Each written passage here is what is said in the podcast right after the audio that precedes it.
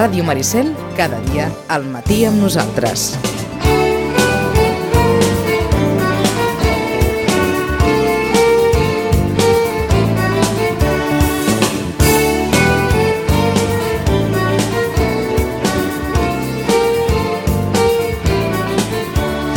Vinga, anem, anem... Anem pel que ens toca, aquí un instigador de masses. Instigador de masses. Home, 2.000 persones a la plaça de la Vila de Vilanova. Serà culpa meva, és culpa del Home, jutge, culpa això. teva no. Ah, Ah, culpa del jutge. Ah, amigo. Chachi, bon dia, bona hora. Bon dia. Referència a... Agafaríem la dita castellana. Cuando las barbas de tu vecino...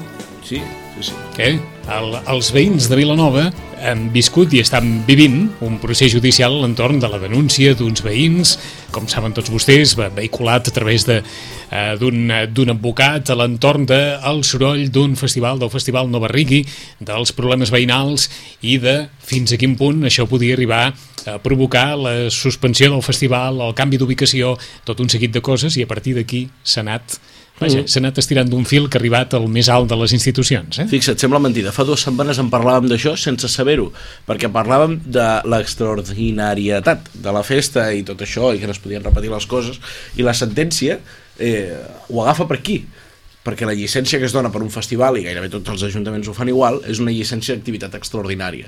I el jutge del Tribunal Superior de Justícia, recordem que van anar per la justícia ordinària i va guanyar l'Ajuntament de Vilanova, el que diu és que una cosa que es fa un cop l'any no és extraordinària, per tant hauria de tenir llicència ordinària com, doncs, com té una discoteca per, per, per mm -hmm. simplificar molt el tema eh, a l'hora d'explicar-ho Agafant-nos allò in stricto senso, mm, tindria raó, eh? Un De fet fet. extraordinari, mm -hmm. precisament és això. la festa major és ordinària o és extraordinària? És ordinària. per mi és extraordinària Una és cosa- un debat filològic al final eh? mm, És ordinària en la seva celebració, és, És extraordinària en el seu sentit, i esclar, i en el que significa i en el que significa en el calendari de l'any. exacte, vull dir, és una interpretació gairebé filològica eh, la que fa el Potser jutge perquè Sitges és diferent i totes les festes ja són ordinàries, perquè temes... en Ordinària, més, és molt lleig. Sí, és veritat, això. a mi Eh? m'ho diuen molt, eh, que sóc ordinari, fora Sí? micros Doncs pensa que què és un ple ordinari i què és un ple extraordinari. Exacte, sí, sí. Però se'n fan, se'n, quan se'n fan de plens extraordinaris en equivalència als plens ordinaris? tants com les necessitats obliguen a fer-los.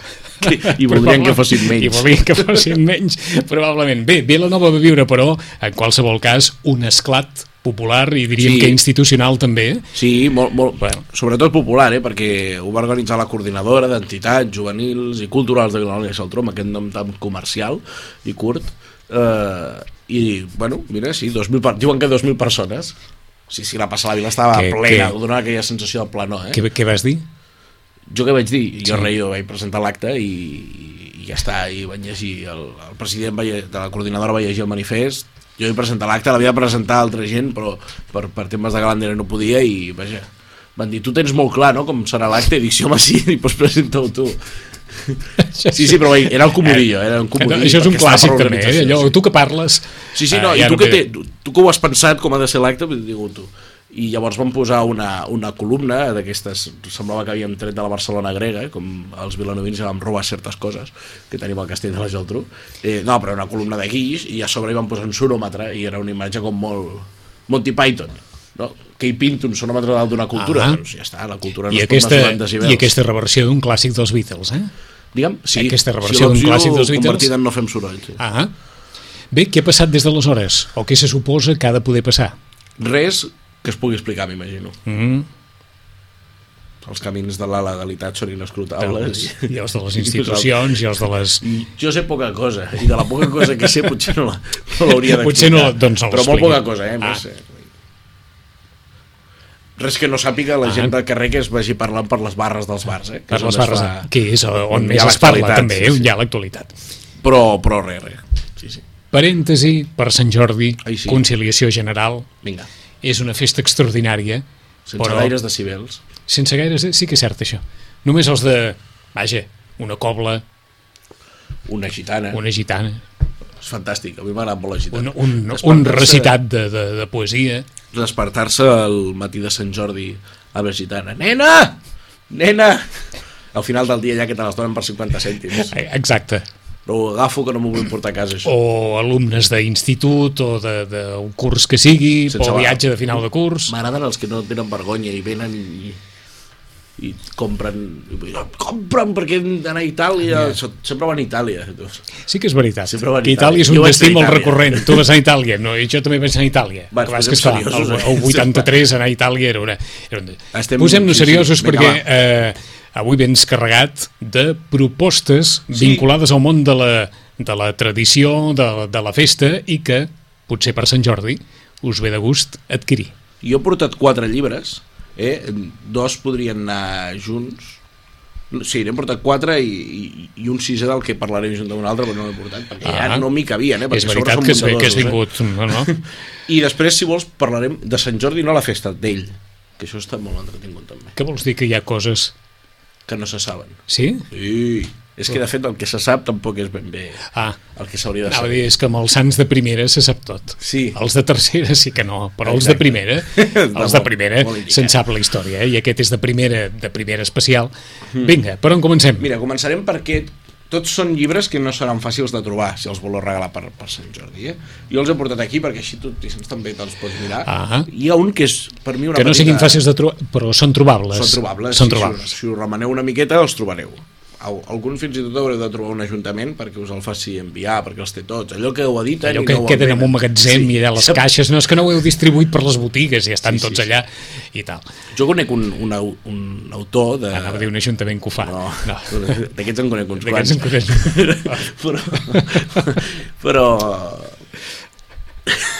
però un, un autor que estava cansat, un autor de temes d'aquests, eh?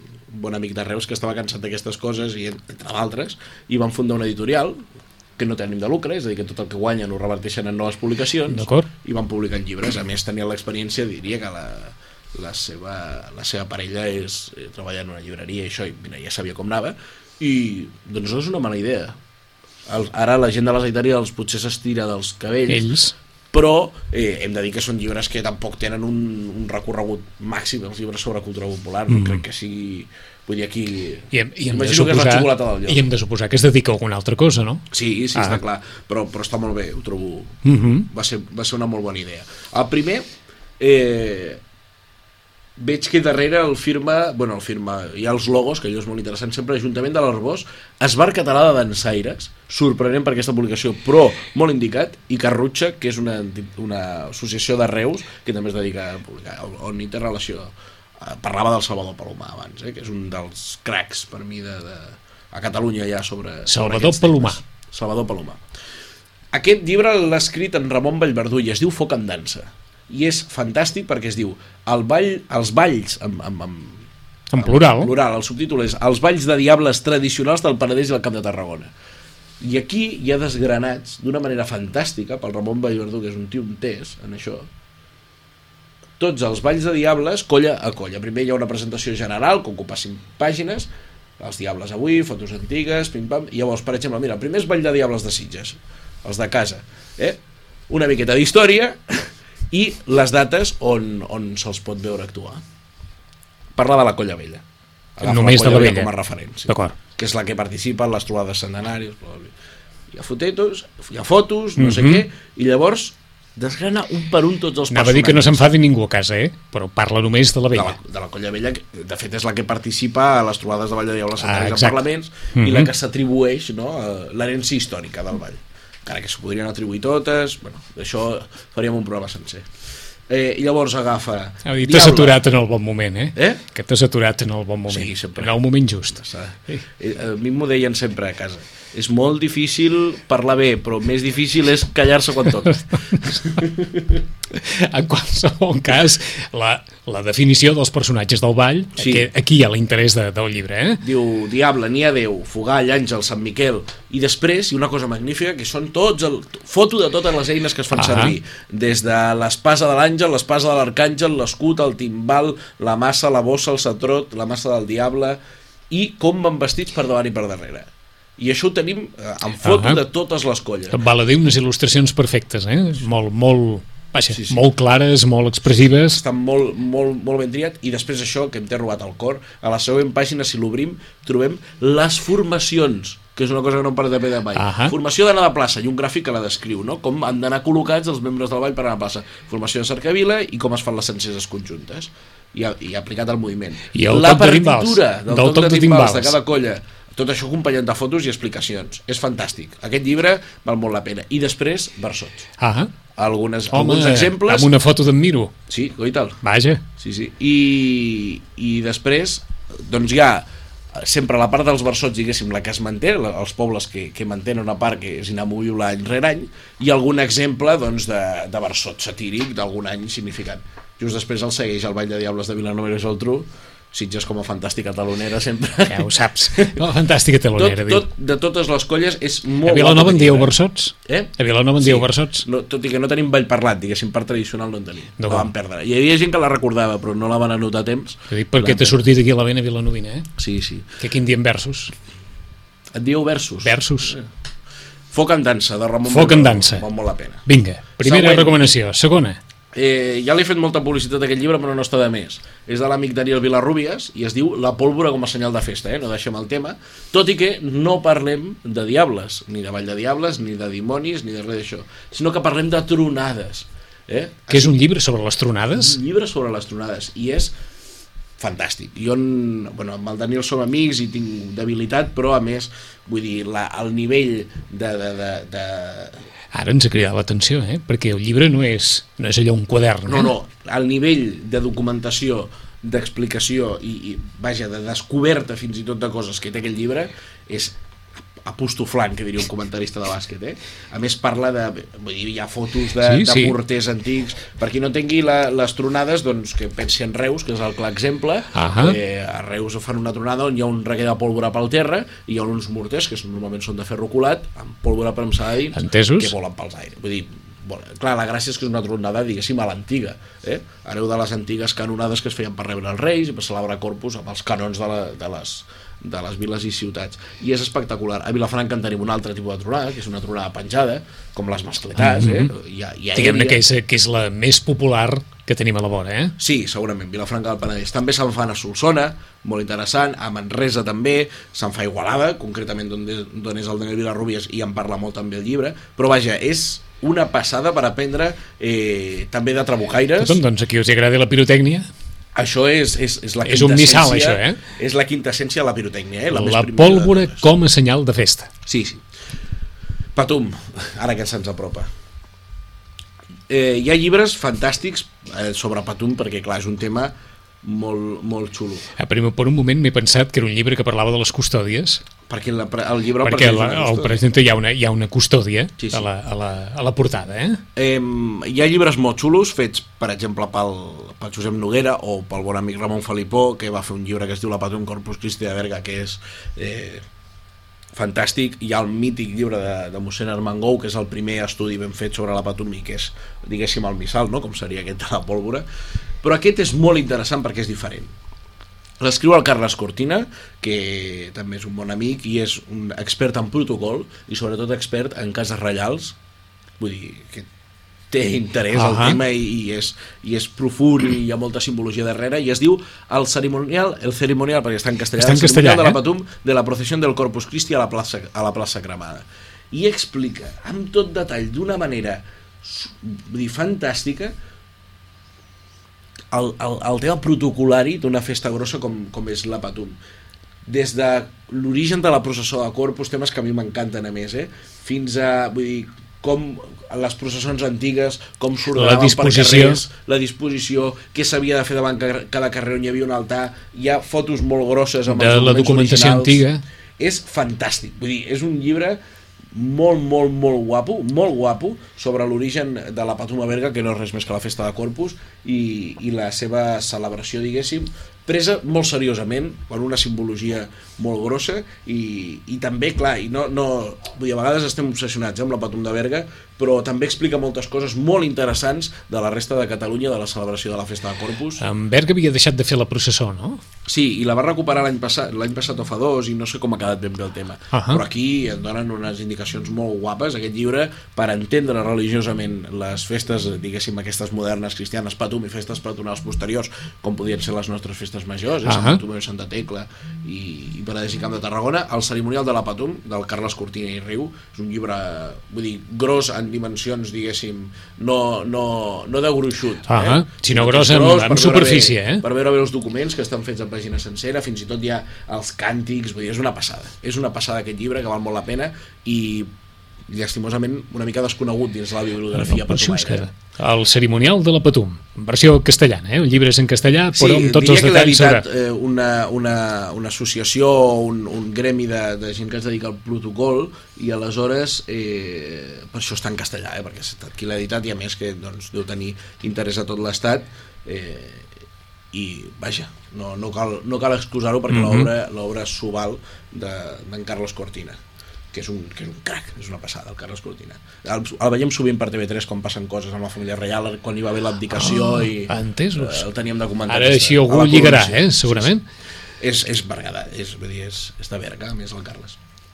I perquè no li agradi llegir gaire, l'últim, la, vista, la, la festa vista per tres fotògrafs ballencs, Pere Catalapic, Francesc Catalarroca i Pere, I Pere Catalarroca. Gairebé que en podies parlar tu més que jo d'això. Home.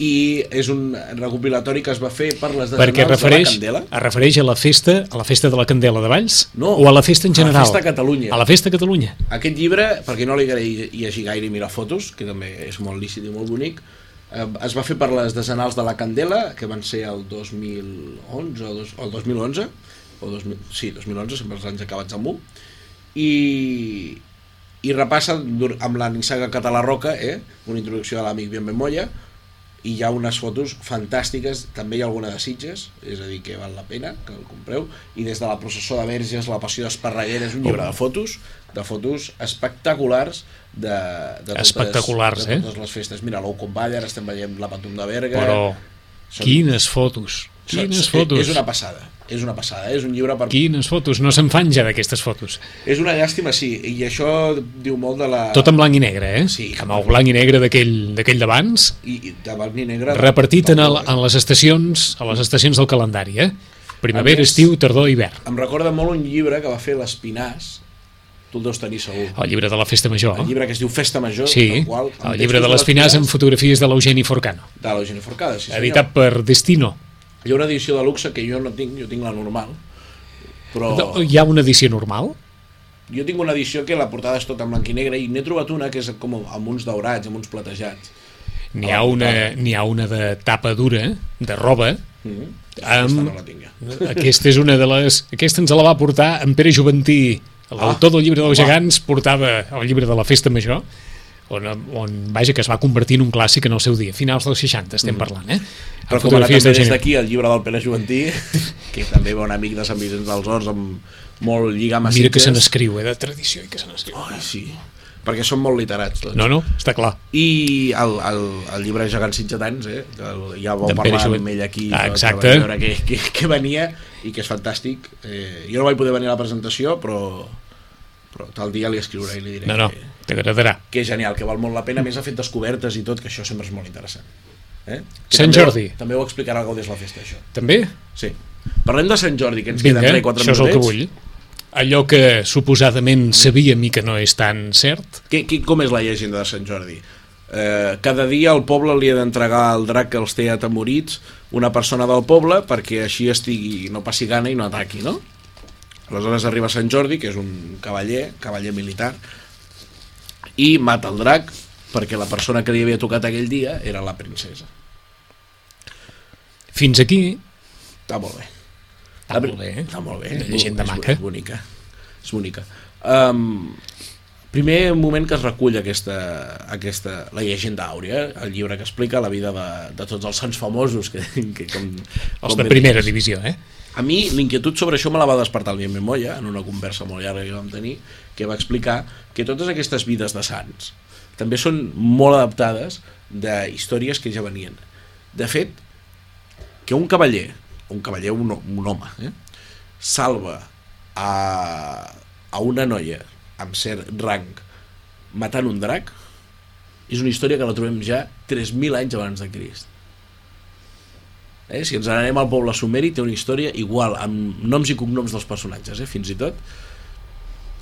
També hi ha una història molt similar eh, a Mesopotàmia eh? on el drac, amb, sabeu que Mesopotàmia vol dir, Mesos vol dir terra, Potamos vol dir riu, però Mesopotàmia era una terra entre dos, entre dos rius. I el drac, de fet, no deixava passar l'aigua i tota la ciutat vivia amb, Amb un estat de... amb una Assedegada, vaja. assedegada i amb sequera i tot, i tot plegat. I d'aquí en tenim herències nosaltres. Per quina raó al morir el drac haurien de florir les roses? És, és un concepte màgic. També ho, ho és que existeix un drac, eh? Però és, un, és gairebé realisme màgico d'aquest de O García no, Márquez. o i tant, o i tant. Per què? Perquè no és res més que un mite d'agricultura.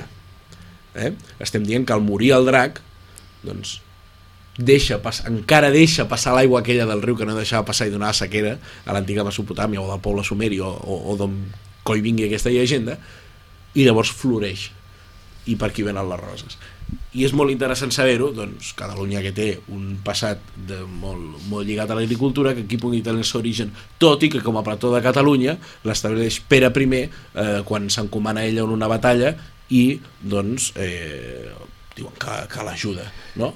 De fet la vida de Sant Jordi que tenim, que tenim diguéssim, que s'ha pogut documentar d'alguna Sí. manera no, no, no parla mai d'aquesta llegenda sinó que va ser martiritzat i tot plegat però de fet Sant Jordi doncs, per Pere I és posat com a patró de Catalunya i d'Aragó a banda també d'altres d'altres Mhm. llocs com Anglaterra però amb la seva pròpia història Són les 10, una més. En algun moment va ser festa, festa de precepte, per dir-ho així? jo crec que no jo crec que no. ara m'enganxes una miqueta així No, no, però em l'hem mantingut amb moltíssim. aquest estat de, eh, de festa implícita, per dir-ho d'alguna manera. Bé, tampoc és que els patrons es transformin en, en festes nacionals. No, no, està clar. És, cur- és complicat i Complicat. En 15 dies hi tornem. Xachi, bon Sant Jordi. estrany. A vosaltres també. 5 minuts. Fins ara. A Ràdio Maricel, cada dia, al matí amb nosaltres.